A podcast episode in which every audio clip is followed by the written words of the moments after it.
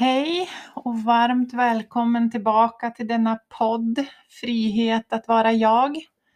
Jag heter Camilla Johansson. Om du nu är helt ny in, så det här är första avsnittet du lyssnar på, så kan jag varmt rekommendera dig att börja från del 1. Vi har liksom gjort en resa genom den bok jag har skrivit. Eh, för er andra som har följt med hela vägen så står vi nu inför det sista avsnittet som är en, en slags summering kan jag säga. Och lite där jag befann mig då faktiskt. Det är tre år sedan jag skrev det sista kapitlet. Eh, och de här tre åren har ju inte varit lugna de heller. Det har hänt otroligt mycket. Mycket vatten har runnit under broarna. Många utmaningar har jag ställts inför. Jag har vardagshånglat kan man kalla det rejält. Och jag har vuxit. Och min omvärld har vuxit. Men jag tänker att det, det kommer komma längre fram det också. Det som har varit och det jag gärna vill dela med mig av. Men vi ger oss i kast nu med den sista delen som jag då som sagt var skrev för tre år sedan. Jag tänker också göra en liten summering då i slutet om vart jag befinner mig idag. Helt enkelt. Men eh, sätt er bekvämt tillbaka och verkligen lyssna.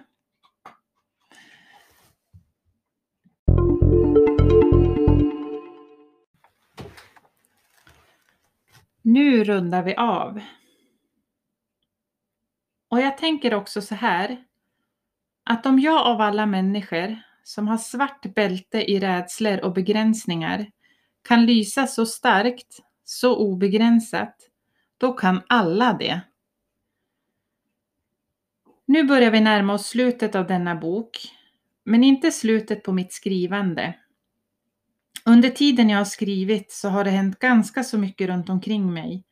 Stora skiften står vid dörren och väntar på att jag ska kliva ut där. Med det en massa nya frön och idéer på nya böcker. Så ny bok kommer säkerligen. Ytterligare en bok som kanske kan fortsätta hjälpa dig, men även mig framåt.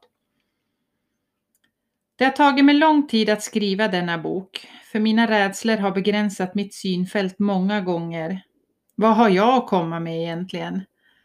Vad ger mig rätten att tala om hur saker och ting kan vara? Jag lever ju inte direkt som jag lär alla gånger. Nej, det gör jag faktiskt inte. Jag vacklar, jag blir rädd och osäker och jag väljer den enkla vägen ibland istället för att ta en risk. Och jag ger mig i kast med andra människors drama ibland. Att leva som man lär är skitsvårt. Det är lätt att tala om för någon annan vad det vad och hur det bör göra eller kan göra saker på. Det är även lätt att peppa någon annan att kliva ut i en ny arena och ta sin plats. Men när det kommer till sig själv är det lätt att det knyter sig. Man blir rädd, osäker och tappar energi. Men jag försöker verkligen prata med mig själv dessa gånger. Inte bara sticka huvudet i sanden och gå undan. Utan titta på vad jag egentligen är rädd för och vad är det värsta som skulle kunna hända? Jag tänker också på mina barn. Hur vill jag att de ska leva, leva sina hur vill jag att de ska leva sina liv? Att de verkligen ska tro på sina egna förmågor, att de ska stå upp för dem de är. Att de ska drömma och att de ska förverkliga sina drömmar. Jag önskar dem verkligen ett liv som de själv drömmer om att ha. Och för att tro, eller för att de ska tro att det är möjligt, så behöver jag gå före och visa vägen. Visa på de möjligheter som verkligen finns där ute. Jag har även vänner runt omkring mig som påminner mig och som stöttar mig framåt. Så jag fortsätter att öva mig på walk the talk.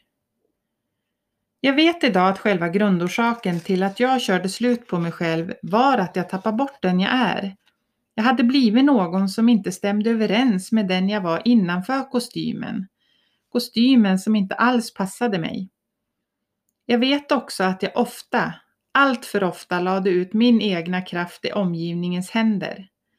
att låta omgivningen diktera villkoren och ta beslut som egentligen var mina att ta. Mitt egna ansvar. Ja, då kunde jag i alla fall skylla på dem om det gick åt helvete. Det är ett tufft jobb att ta tag i sitt liv och det är återigen inget jag prackar på någon annan. Men jag kan däremot trycka på att trivs du inte där du är idag så behöver du göra något annorlunda, göra en förändring. Ingen annan kommer eller kan göra det åt dig. Sluta skjuta upp saker på framtiden. Du kommer aldrig vara redo. Känner du igen dig? Bara när barnen är stora, då kommer jag. Eller när jag har x antal kronor på kontot, då kan jag. Eller när jag är klar med den där kursen eller utbildningen, då ska jag. Tänk om den dagen aldrig kommer. För vi kommer alltid finna en ny anledning till att vi inte är redo. Vi vet inte hur länge vi kommer få vara med i detta liv. Så varför inte ta tag i saker redan idag? Små, små steg framåt i den riktning som du vill gå. Vem skulle du vilja vara? Och vad skulle du vilja göra? Hur vill du känna dig inombords? Och vad tror du att du behöver för att känna så? Ja, hur gick den här resan till egentligen? Från det att jag blev sjuk och där jag befinner mig idag. Hur mår jag idag? Och vad gör jag? Jag ska försöka att inte bli alltför långrandig, men jag ska inleda med att säga det att jag har inte gjort denna resa själv. Jag har haft otroligt bra hjälp på vägen. Men själva grundjobbet med mig själv, att bygga ihop mig själv från grunden, var jag tvungen att göra. Jag gick tillbaka till min gamla arbetsplats efter min heltidssjukskrivning. Jag började på 25 procent och ökade sedan successivt på uppåt. Jag hade gjort en del besök på jobbet under sjukskrivningen för att minska det motstånd jag kände. Det är verkligen fascinerande hur kroppen svarar an på gammal information. Det räckte verkligen med att kliva in i hissen upp till kontoret för att pulsen och stressnivån skulle stiga i taket. Det var väl förberett för min återkomst, så jag fick en bra nystart för det. Det jag brottades med pågick inom mig, för prestationsprinsessan var fortfarande kvar och fortfarande stark. Och jag kände mig oerhört icke-produktiv att bara dra runt där utan att i min värld göra något vettigt. Men någonstans inom mig kände jag att jag var klar på denna arbetsplats. Jag kunde inte längre se mig själv framåt att jobba med det jag gjorde då. Under min sjukskrivning så hade andra sidor vaknat hos mig som jag ville fortsätta att utforska. Lite mjukare sidor skulle jag vilja kalla dem, jämfört med den starka prestationsprinsessan. Jag ville jobba med människor på ett annat sätt och samtidigt lära mig om hur vi fungerar och våra kroppar fungerar. Så jag ramlade över en utbildning till massör i ungefär samma veva som det företaget jag jobbade på då gjorde en stor omorganisation och med det lades kontoret ner i min stad och jag blev uppsagd. Jag måste säga att det kändes som att universum stöttade mig i mina nya livsfunderingar. Jag tror inte idag att jag då hade haft modet och energin att kliva av en fast anställning om jag inte på det sättet hade blivit utknuffad jag satt med så mycket rädslor och begränsningar fortfarande då. Ungefär ett år efter min återkomst till arbetslivet från sjukskrivningen och med en massageutbildning i ryggsäcken startade jag mitt egna företag. Herregud, bara den erfarenheten och alla de rädslor och våndor jag hade inför denna företagsstart är ett bokmaterial i sig. För jäkla vad jag var rädd. Och jäklar vad marken gungade under mina fötter. Men för varje skakigt kliv jag tog framåt så lade sig det rädsla jag hade sakta, sakta. Alltså det kan tyckas vara våghalsigt att starta ett företag när jag fortfarande var under återhämtning från min utmattning. Och jag fick även en hel del varnande fingrar från andra om att det, om att det verkligen var så klokt. Men jag var märkligt nog fast besluten om att göra detta. Och jag kunde just då inte tänka tanken att lyda under någon annan. Att vara styrd av arbetstider och andras visioner och mål. Jag ville bestämma själv när, var och hur jag skulle jobba. Jag ville helt enkelt känna att jag kunde påverka min egna situation och även påverka min egna inkomst. Det fanns en härlig frihet i allt detta som lockade och som var starkare än mina rädslor. Visst fick jag höra ständigt att som egenföretagare måste man jobba jämt för att överleva. För mig så har det inte stämt med det. Dels så såg jag till att inte dra på mig några stora kostnader och dels så prioriterade jag helt enkelt bort vissa saker för att det skulle gå ihop i början. Men framförallt så gjorde jag något som gav mig själv så mycket att det faktiskt inte kändes som ett jobb. Det var mer en känsla av att herregud, kan man få ha det så här bra? Det var något som jag var intresserad av och som gav mig den utveckling jag behövde. Något som jag också med lätthet kunde bidra med till andra. Känslan var lite som att man går en jätteintressant kurs. Man är nyfiket där för att förkovra sig. Det var liksom mitt jobb. Min inre sökan fortsatte, dels för att förstå mig själv och vem jag är, men även att förstå andra människor och hur jag förhåller mig till dem. Detta ledde ungefär i samma veva som jag förberedde för företagsstarten till att jag kom i kontakt med coachen Leo Aid. Och även det känns idag som att det inte var en slump, utan på något sätt att detta var ödesbestämt. För här skulle jag vilja säga att det tog fart på allvar. Herre jäklar vad kommande två år skulle bli viktiga för mig. Fruktansvärt tuffa och samtidigt alldeles underbara. Idag kan jag säga att jag klev in i mig själv på allvar. Att sätta mig själv i förarsätet och hämta hem den person jag är.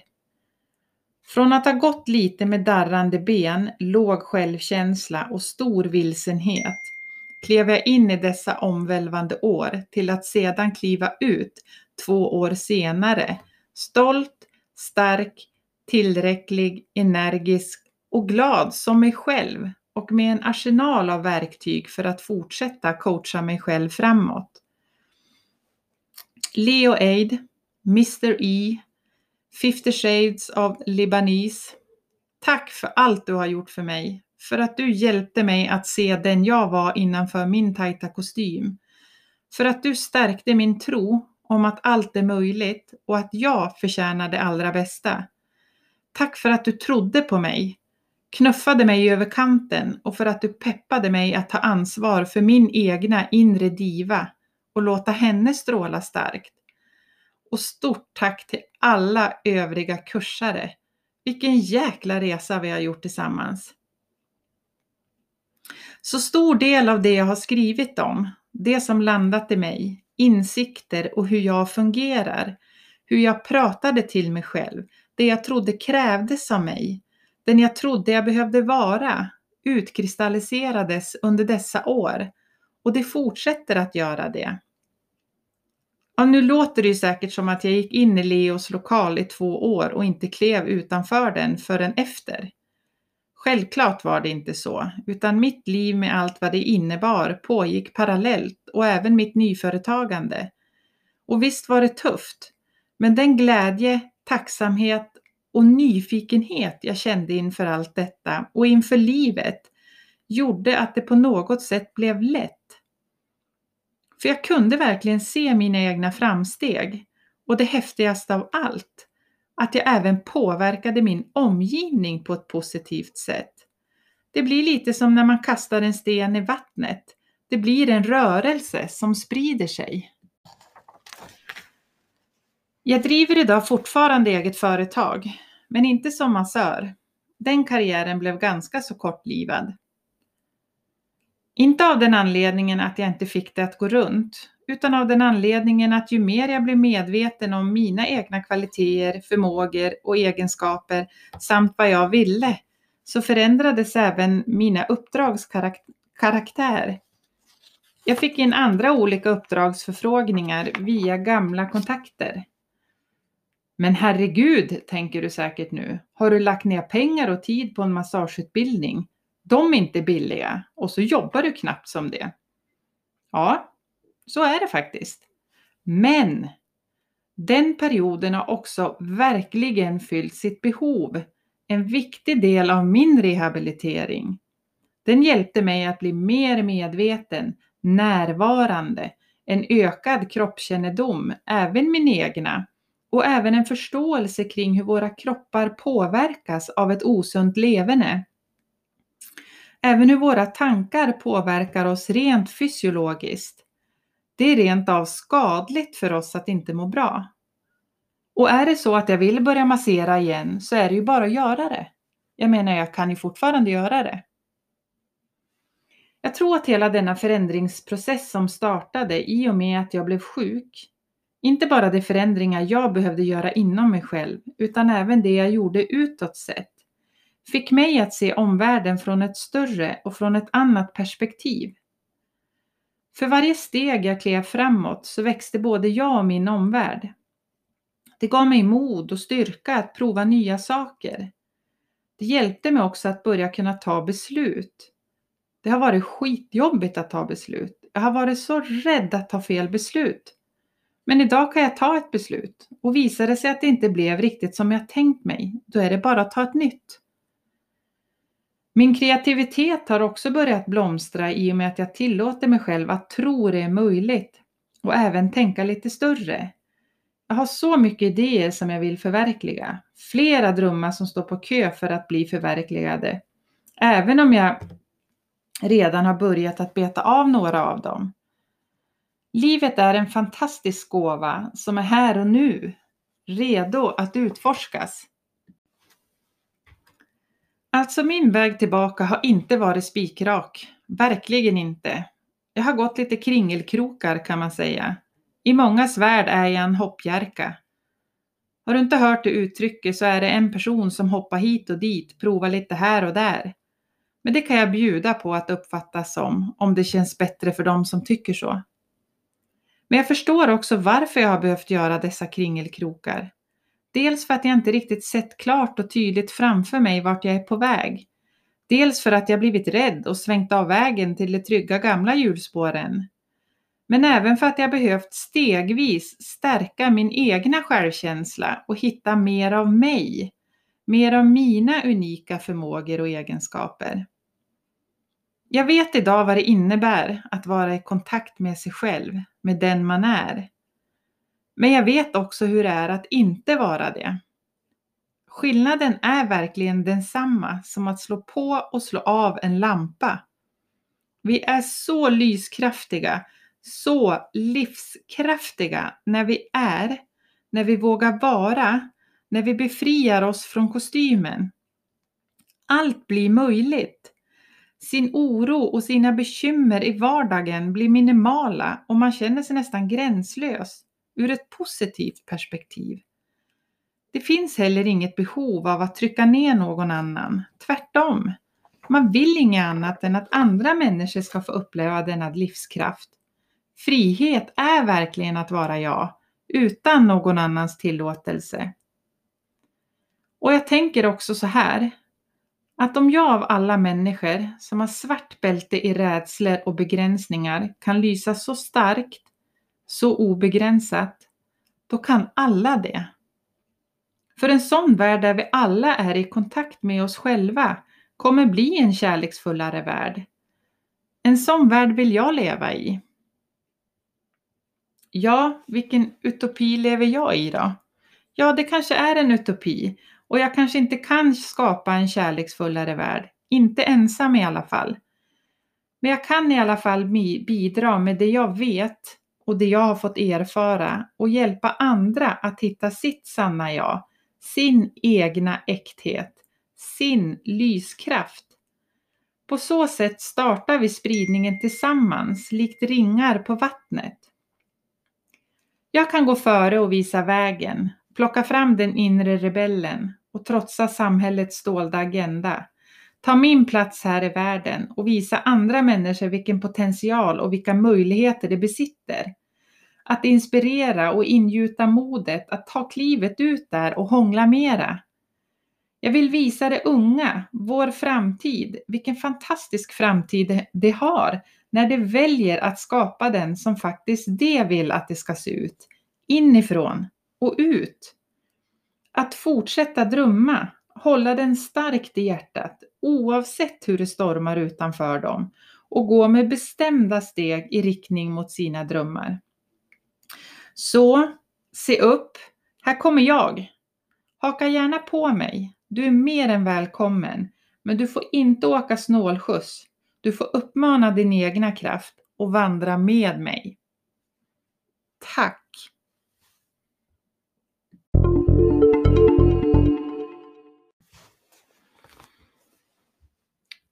Nu är det över tre år sedan jag skrev på det sista avsnittet till Friheten är att vara jag utan någon annans tillåtelse. Tre år som varit minst sagt händelserika. Jag trodde nog där och då att vägen skulle bli spikrak framåt. Att jag var klar med mina utmaningar och mina rädslor i livet. Sitt livet sitt. Här kommer fan jag. Nu kommer jag dansa och sväva fram likt en elva på en färgsprakande sommaräng. Väl förberedd och redo på vad en livet hade tänkt ställa framför mig. Men ack så fel jag hade. Nya situationer och nya personer äntrade scenen som speglade upp nya nyanser av mitt rädslobagage. Invanda beteendemönster som fick kliva ut i solljuset utifrån nya vinklar. Många stora livsomvälvande beslut har tagits där jag också behövt möta konsekvenserna av dem. Där känslor av skam och skuld fått ner mig på knä i omgångar. Alltså min väg tillbaka har inte varit spikrak. Verkligen inte. Jag har gått lite kringelkrokar kan man säga. Denna mening skrev jag i avslutande avsnitt och jag tänkte nu skriva att jag fortsatt gå kringelkrokar när jag inser att det är precis det jag inte gjort. Jag har snarare tagit tag i det jag behövt göra, som jag gått omvägar kring tidigare. Jag har tagit tag i dessa delar och även behövt möta de rädslor och smärtsamma känslor som följde med detta. Däremot har nya upplevelser triggat igång gamla beteenden som återigen begränsat mig själv. Det tog bara ett tag att inse att jag var tillbaka i ett gammalt invant mönster. Jag ville nog heller inte se, för har jag tagit mig så här långt så gör det så ont att erkänna att jag har klivit in i samma evighetsloop. Igen. Nu ska jag försöka skriva i mer klarspråk så ni är med mig i detta. Tänker också nu när jag skriver att varför i hela världen ska jag dela med mig av detta? Det är högst personligt och angår egentligen ingen annan. Det är sant. Samtidigt som jag upplevt att det är sjukt tabubelagt det jag vill dela och jag blir förbannad över detta tyckande och åsikter från olika håll. Tyckande och åsikter från allt och alla som inte har egentligen någon insikt eller en aning vad som pågått bakom ridåerna. Det är rena antaganden som har gjorts på bekostnad på mig. Men även här den dolda agendan som samhället sitter med och som vi följer slaviskt, även fast vi kanske egentligen mår skit av det.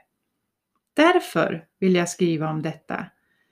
För om jag kan på detta sätt fortfarande hjälpa någon att lysa upp dennes väg, då fortsätter jag att skapa goda ringar på vattnet. Men nu börjar vi den fortsatta resan och tar vid där jag avslutade för tre år sedan. För snart tre år sedan så tog jag beslutet att skilja mig efter 24 år i relation och med två fantastiska barn som resultat. Nu är det inte så att det beslutet kom som en blixt från en klar himmel, utan detta har varit med mig i mina tankar under många år. Dels har jag behövt jobba igenom mig själv, så det är inte jag själv som står i vägen för en fungerande kärleksrelation.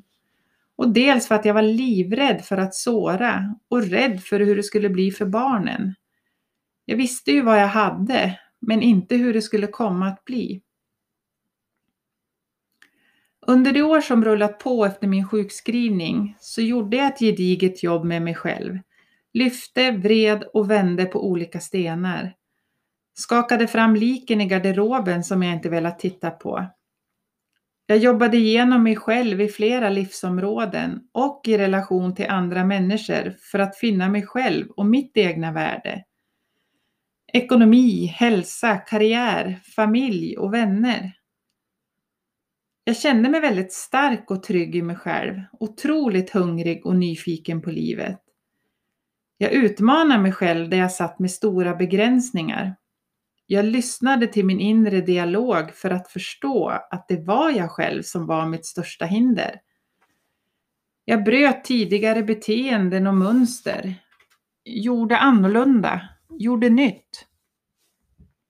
Jag lyssnade på vad jag verkligen ville och kände och följde det.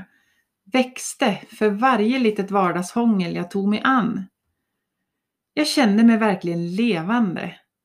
Men framför allt, ju mer jag lärde känna mig själv, desto mer kände jag mig så fullkomligt tillräcklig bara genom att vara jag. Det fanns dock ett litet gnag, en tyngd och ett ankare och det var kärleksrelationen. Men jag tänkte att om jag ser till att få näring från de andra delarna av mitt liv så kan jag gå omkring och vara lite halt. Det kommer att väga upp den tyngden. Men även att jag behövde förstå mig själv och mina egna behov. Till slut gick det inte längre. Det räckte inte med att mina övriga områden i livet var balanserad när ett av mina viktigaste grundvärderingar led brist. Kärlek. Mitt inre beslut var redan taget långt innan.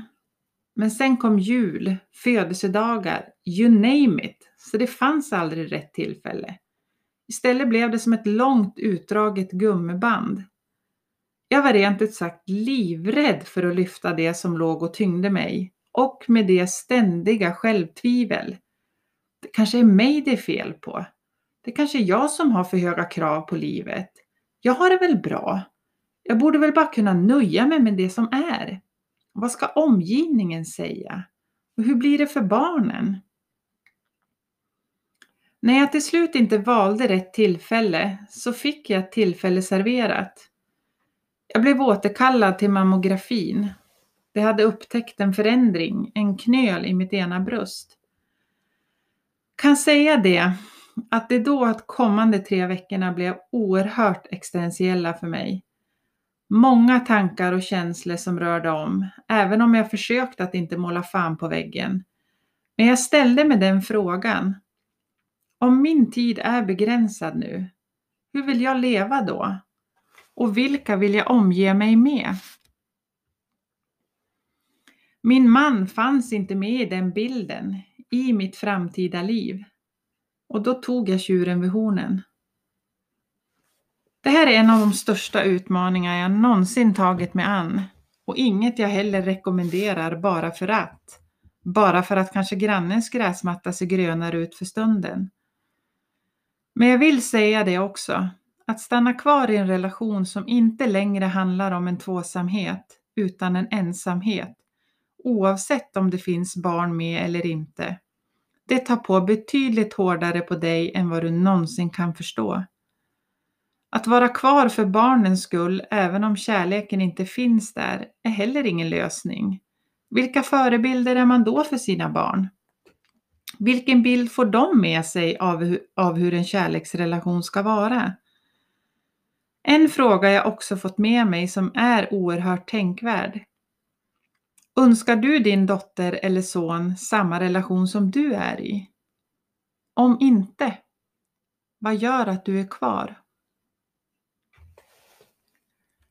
Även om det är du som väljer att skiljas eller bryta upp en relation så är det inte bara barnen och partnerns grundfundament som raseras, utan även ditt.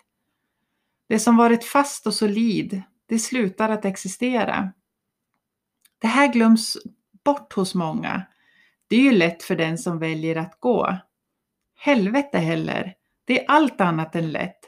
Men kanske en nödvändighet för att överleva själv. Kort efter skilsmässan var ett faktum så träffade jag en ny man. Inget som jag egentligen ville just då. Jag längtade verkligen efter att få leva ensam med mina barn och bygga upp en ny grundplattform för oss. Jag hade till och med bestämt mig för att leva ensam resten av mitt liv. Hade varken ett behov eller en längtan efter något nytt eller någon annan. Jag längtade efter mig själv, mitt egna sällskap, mitt egna utrymme. Men där stod han och fullständigt svepte undan fötterna för mig. Och sedan med allt vad detta har inneburit de senaste åren. En vacker kärlekssaga är en del av den och en destruktiv spiral en annan. Det sägs att de största faktorerna för hjärnstress är bland annat en skilsmässa, men även att träffa någon ny. Och för min del så blev detta en parallell resa under kommande år. Ja, en självvald sådan kanske jag behöver tillägga. Det var ju faktiskt jag som ville skiljas och jag valde att gå in i en ny relation. Ingen som direkt kastade på mig den gubben. Ja, hur blev det då med företagandet? Jag hade ju avsagt mig alla inkomstbringande uppdrag där för tre år sedan för att bland annat slutföra boken. Jo, jag höll fast vid det i ungefär två månader. Jag slutförde bokutkastet under den tiden. Jag fick ett möte med ett bokförlag, träffade lektören och med det förslag på hur boken skulle struktureras om helt innan den skulle tryckas. Jag fick aldrig motivationen att bygga om utkastet. Kände mig oerhört klar med den delen av mitt liv. Samt att jag då också klivit in i en livsomvälvande förändring i livet, skilsmässan, som krävde allt mitt fokus och min energi. Ungefär i samma veva så hörde en av mina tidigare fasta kunder av sig igen och hade behov av mer hjälp. Mitt ena ben som ekonomikonsult som jag då två månader tidigare bestämt mig för att jag var klar med. I detta läge så rådde det inga tveksamheter till att tacka ja. Dels var jag beroende av inkomsten. Jag skulle ju stå helt själv nu med en villa och barn. Men framförallt så behövde jag verkligen den stabiliteten. Jag visste vad jag skulle göra och hur jag skulle göra det på. Samt att jag älskade verkligen mina kollegor på det företaget. Det var stabilt, tryggt och numera med en sund relation till prestation för mig, när hela världen kändes upp och ner i övrigt. Det här har varit och blev oerhört viktigt för mig framåt. Även om uppdraget i sig krävde mitt fokus, utveckling och effektivisering samt att kunden även hade förväntningar på att jag skulle leverera på en viss nivå, så blev det ett andhål, en stabilitet. Jag kunde detta på mina fem fingrar. Men alla de andra planerna jag hade, det fick stå tillbaka. För nu var det att ro i hamn projektlivet.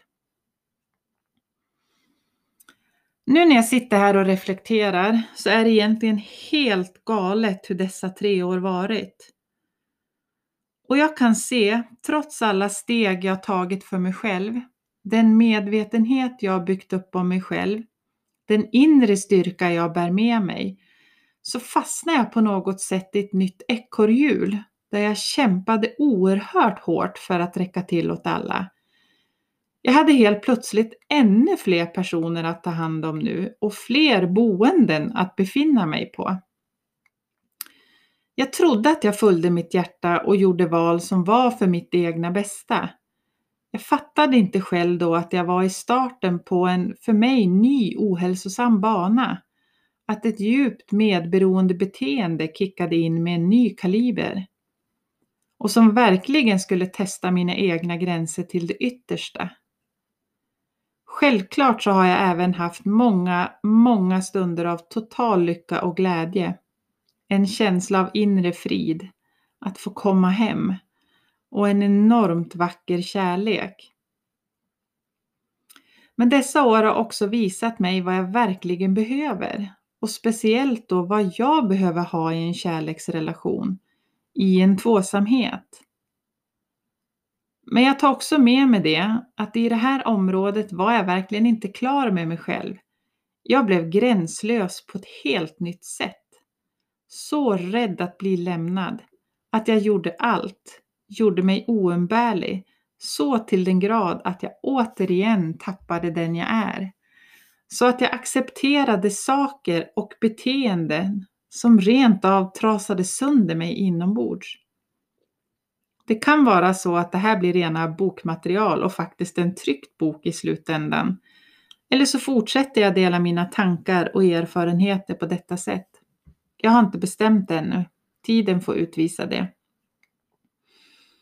I höstas valde jag att återigen att avsäga mig mina kunduppdrag som ekonomikonsult. Jag behövde ge mig själv tiden för att landa, vara ledig och lägga tiden på vad jag verkligen vill jobba med. Jag vill inte ha ett arbete som jag känner att jag behöver ha semester ifrån. Jag vill inte ha ett liv jag behöver ta semester ifrån. Jag vill verkligen att varje dag ska vara meningsfull. För mig själv. Men även det jag gör vill jag ska skapa en mening för någon annan. Jag byggde på mig ytterligare en utbildning inom personlig utveckling som holistisk coach. Och det är just inom detta område jag vill bygga nya företagsben inom. Hösten fortsatte dock att leverera utmaningar. Jag förlorade ett viktigt väderstreck, min mamma. Mina barn förlorade ett viktigt grundfundament, sin momma. Min pappa, en livspartner, sin fru. Jag lämnade även till slut relationen, ett liv och en dröm som grusades. Men jag behövde rädda mig själv. Så vart står jag exakt just nu? Det känns som de senaste åtta åren har levererat utmaningar som kanske inte ens en människa går igenom under hela sin livstid. Jag har inte duckat eller väjt undan för en endaste av dessa, utan stått kvar och klivit igenom. Jag har många gånger tänkt att nu får det väl för fan räcka. Nu orkar inte jag något mer. Jag har bara velat lagt mig i fosterställning, skyddad från världen och en stark önskan om att någon bara kunde hålla mig varsamt och ömt och säga att det kommer att bli bra. Samtidigt som en mjuk röst inom mig visat på de lärdomar och möjligheter som kommit ur de mörkaste tillfällena. Som fått mig att resa mig upp igen, likt en blomma som sträcker sig mot solen. Jag må vara en obotlig optimism, men det är också min räddning, min drivkraft att fortsätta framåt. Så tack livet och tack alla er jag mött som fått mig att växa ännu mer, som fått mig att stärka mig inifrån och ut. Jag är lite känslomässigt tilltufsad just nu, men känner mig faktiskt starkare än vad jag någonsin gjort tidigare. Jag har mitt fokus på att leva på riktigt, på att varje dag ska få vara viktig, ha en mening och en betydelse. Ett medvetet liv. Jag har en arsenal med erfarenheter och verktyg att leda mig själv framåt, autentiskt. Och jag delar mer än gärna med mig av dessa till dig, om det på något sätt kan belysa din väg framåt. Jag letar mig ett eget boende nu, så jag passar faktiskt på att slänga ut en krok här om just du vet om något, känner till någon. En liten gård med uthus, byggnader. Det behöver inte vara jättestort och det är jag och min hund. Men jag vill kunna inrymma barn med respektive och vänner vid besök. Jag vill kunna ha min studio och ateljé hemma i en separat byggnad. Lite avskilt beläget och max 45 minuter bilväg från Östersund. Och det viktigaste av allt, det är att det är ett sjöläge. det här ska bli mitt paradis på jorden. Så vet du om något, någon som säljer, så hör av dig till mig. Jag har ofantligt mycket att se fram emot. Spännande och livgivande uppdrag att ta mig an. Denna podd har även skapat möjligheter, men även kontakter med nya människor. Jag har rena diamanter till vänner och familj i min närhet. Det känns faktiskt som jag nu står inför detta dignande smörgåsbord där alla tänkbara delikatesser är uppdukade framför mig, redo att plockas och att avnjutas. Och att jag faktiskt kan välja helt fritt vad jag vill ha utifrån vad jag tycker om. Jag som har haft svart bälte i rädslor för det mesta känner mer nu efter dessa år. Vad har jag egentligen att vara rädd för? Det är lite som att ingenting kan skrämma mig längre. Jo, en sak. Och det är att inte leva på riktigt. Till fullo. Att leva ett medvetet och meningsfullt, li meningsfullt liv.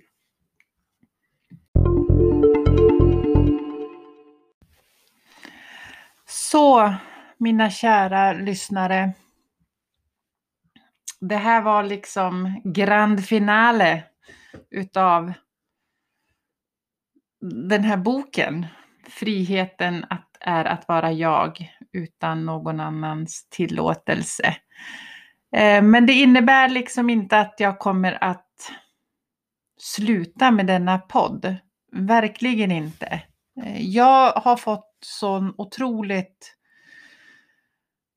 fin feedback och intressanta reflektioner så att eh, jag, jag förstår att, att, att det här är viktigt. Att vi, att vi behöver prata om det som händer inom oss själva och det som händer i våra liv. Att, att vi faktiskt vågar skala av oss den här fasaden och vara mer naken inför varandra. Ehm, jag fortfarande vill jag ha fler synpunkter eller synpunkter, reflektioner, frågor, funderingar. Jag vill jättegärna också ha lite input från er. Vilka ämnen skulle ni vilja att jag tar upp? Det känns som att jag har en hel arsenal av erfarenheter med mig av livet. Och jag tänker också att jag tänker inte sitta här och pladdra själv bara utan att jag faktiskt tar in eh, sidekicks. Att, att bolla olika ämnen, områden. Det kan vara utmattning, prestationsprinsessor, eh, relationer, vänskapsrelationer, kärleksrelationer. Vad är en sund relation? Vad är en osund relation? Det finns hur mycket som helst faktiskt jag tror vi alla skulle uppskatta att det lyftes fram i rampljuset. Så mejla till mig info at camillanj.com eller gå in då på www.camillanj.com för kontaktuppgifter till mig. Så skicka in. Vad, vill, vad skulle du vilja att jag pratade mer om och tillsammans med några andra? Eh, har du en story som du vill att jag ska läsa upp så skicka den också. Jag delar det mer än gärna. Men för nu, tusen tack för att jag har haft er uppmärksamhet så här länge och vi hörs av snart igen. Ta hand om er. Stor kram. Hej då!